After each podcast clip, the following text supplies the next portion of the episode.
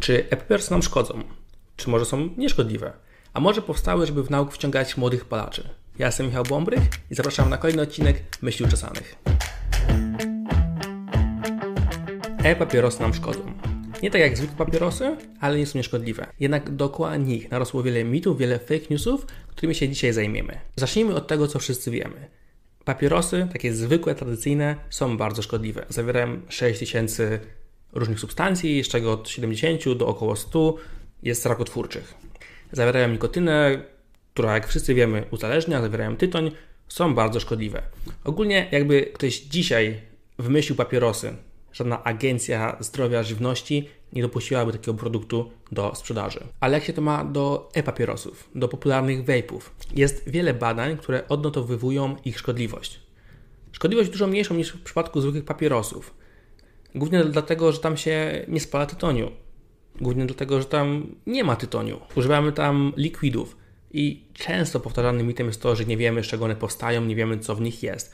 To jest nieprawda. One są całkiem dobrze regulowane w Unii Europejskiej, w Stanach, w Wielkiej Brytanii, z czego są tworzone i są całkiem nieźle przebadane. Te likwidy zawierają głównie glikol propylenowy, glicerynę, nikotynę oczywiście i aromaty. Rzeczy dużo mniej szkodliwe niż w normalnych papierosach. Poza nikotyną, której działanie jest dobrze przebadane i każdy jest jej chyba świadomy, za szkodliwe uznano głównie aldehydy, a głównie aldehyd cynamonowy i wanilinę.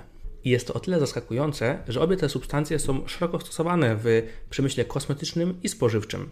Jednak okazuje się, że po ich podgrzaniu i wdychaniu, w momencie spalania ich w likwidach, w papierosach, te normy, które są w miarę bezpieczne, są przekroczone wielo, wielokrotnie.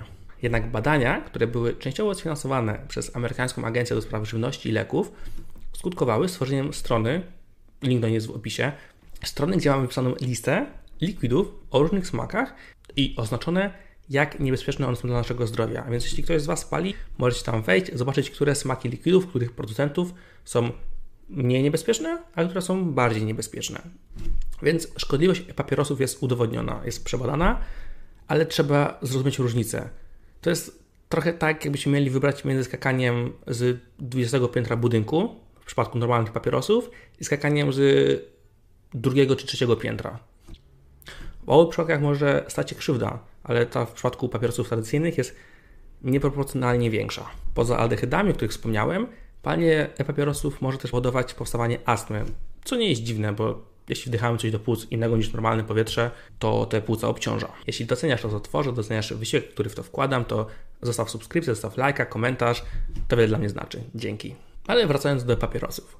Po co one w ogóle powstały? Jako substytut do palenia, jako coś, co możemy palić wewnątrz budynku. Ich historia zaczyna się hmm, w Chinach. Ojcem vapingu jest Hon Lik, chiński farmaceuta, który przez lata palił, tak samo jak jego ojciec. Ale w momencie, kiedy jego ojciec zmarł na choroby spowodowane właśnie paleniem papierosów, Hon Lik starał się rzucić palenie. Co było dla niego ciężkie. Zauważył on, że stosowanie plastrów z nikotyną czy gum z nikotyną nie daje mu tego samego odczucia, które miał jak palił normalne papierosy. Więc postanowił wymyślić jakiś sposób, który będzie pozwalał nikotynę wchłaniać tak samo szybko jak przy paleniu normalnych papierosów, ale bez tych wszystkich szkodliwych substancji, co miało pomagać w rzucaniu palenia. I tak w 2003 roku wymyślił pierwszego e-papierosa. I to jest wielki plus i problem z e-papierosami. Pozwalają one nikotynie wchłaniać do naszego ciała tak samo szybko jak przy paleniu normalnych papierosów.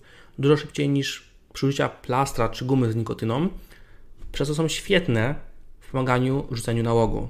Jednak są też bardzo uzależniające. Według wielu statystyk e-papierosy naprawdę pomagały ludziom rzucać palenie. Jednak też powodowały uzależnienie ludzi, którzy wcześniej nie palili, głównie ludzi młodych, nastolatków. I tutaj pojawia się czarna strona tego całego biznesu, tych wszystkich e-vape'ów, e-papierosów. Jako produkt początkowo nowy trzeba było rozpromować.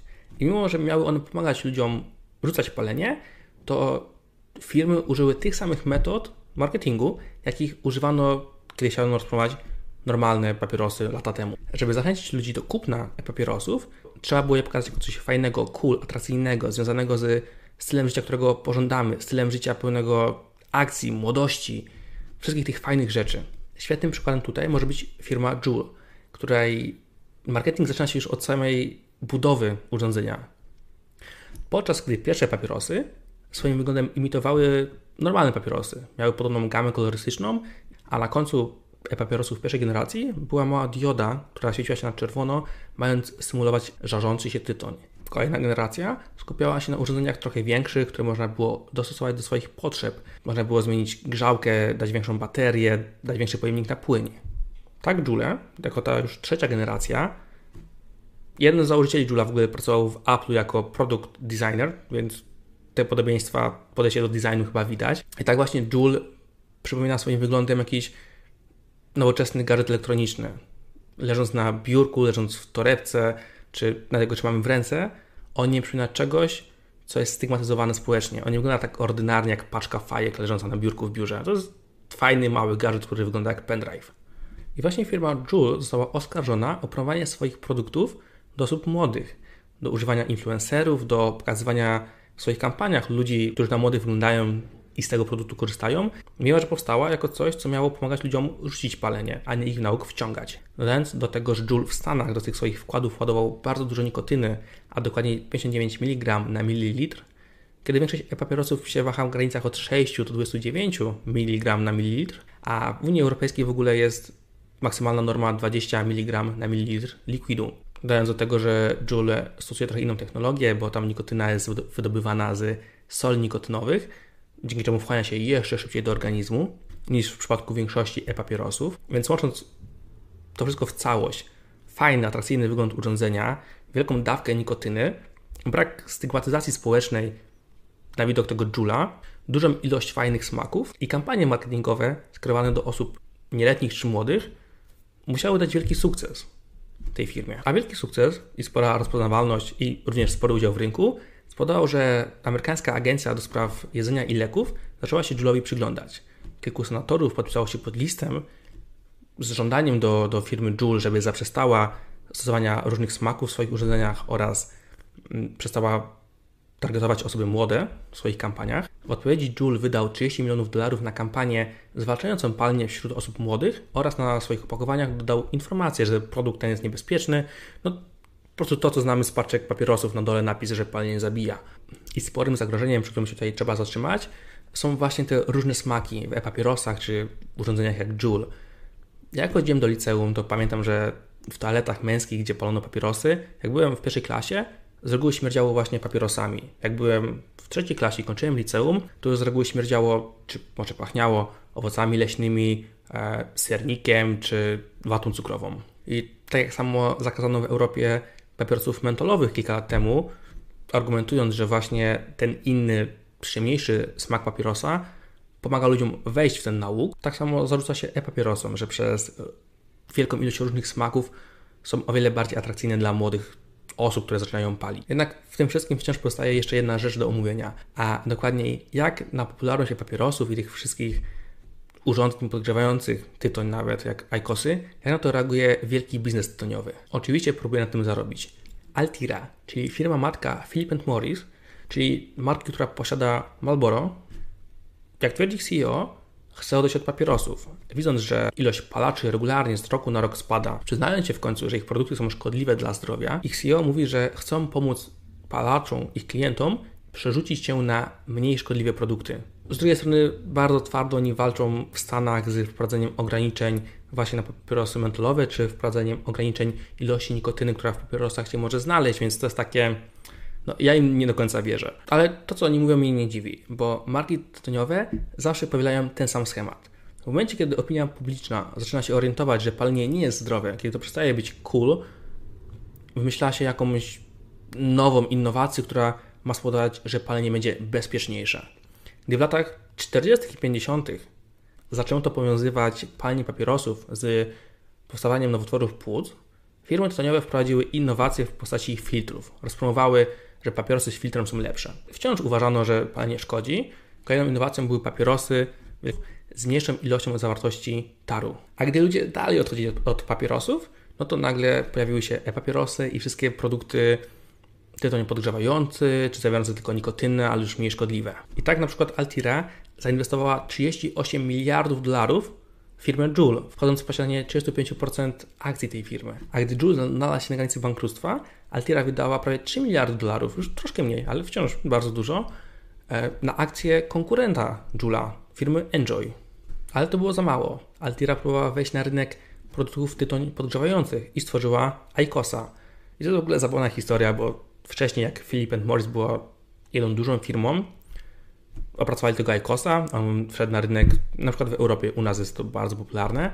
Potem ta firma się podzieliła na dwie siostrzane spółki, jedna odpowiedzialna za działania tylko w Stanach Zjednoczonych, druga za działania mm, międzynarodowe. I gdy potem Philip Morris chciał prowadzić ICOSa w Stanach Zjednoczonych, został pozwany przez swoją siostrzaną firmę. To zakończyło się tym, że amerykańska część tej, tego molocha pracuje nad swoim własnym urządzeniem SWIG, które będzie działało jak ICOS, ale będzie trochę inne. Idąc dalej, Altira posiada taką markę jak On, która sprzedaje nicotine pouch, czyli małe saszetki zamiast nikotynę, którą można włożyć pod wargę. Więc tak jak ilość osób, która pali tradycyjne papierosy regularnie spada, firmy tytoniowe nie zamierzają składać broni. Niektóre kraje sugerują, że przyszłość powinna być wolna od tytoniu. Na przykład Nowa Zelandia, która wprowadziła całkowity zakaz sprzedaży wyrobów tytoniowych osobom urodzonym po 2008 roku. Inne kraje, tak jak Unia Europejska, mm, zakazują takich rzeczy jak papierosy mentolowe, tak samo jest w Kalifornii. Może też takie zakazy kiedyś dotkną e-papierosów, a może czeka nas przyszłość bez tytoniu, ale z nikotyną, którą będziemy mogli sobie podać gdziekolwiek. Siedzimy w biurze czy w samolocie, to sarzetka z nikotyną pod wargę. Siedzimy w domu, ale nie chcemy śmierdzieć, e-papieros. Jednak jestem pewien, że firmy tytoniowe łatwo broni nie złożą.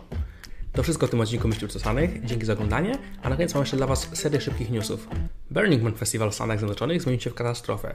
Wielki festiwal odbywający się na Black Rock Desert e, w Nevadzie, który przyciąga dziesiątki tysięcy ludzi co roku, zmienił się on w katastrofę z powodu bardzo dużych opadów deszczu, który zmienił pustynny piach w wielkie pola błota. Przez co wiele osób festiwalu nie mogło opuścić, dodatkowa pomoc nie mogła na festiwal dotrzeć, a organizatorzy prosili ludzi o oszczędzanie i racjonowanie wody i żywności, ponieważ nie było wiadomo, kiedy kolejne zapasy będą mogły zostać dowiezione.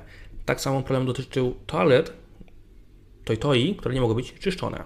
Jest jedna afera śmiertelna, choć podobno jej śmierć nie jest powiązana z warunkami na festiwalu. Tak. Niedawno indyjskiej agencji kosmicznej udało się wysłać sondę, która wylądowała na południowym biegunie Księżyca. Sztuka umieszczenia ładzika na Księżycu udała się do tej pory tylko czterem krajom: Stanom Zjednoczonym, Chinom, Związkowi Radzieckiemu i Indiom. Rosjanie, jako spadkobiercy Związku Radzieckiego, też próbowali niedawno wysłać swoją sondę Luna 25, jednak ona rozbiła się o powierzchni Księżyca przy lądowaniu, co pokazuje, jak ciężki jest to wyczyn i jak wielkie jest to osiągnięcie dla indyjskiej agencji kosmicznej.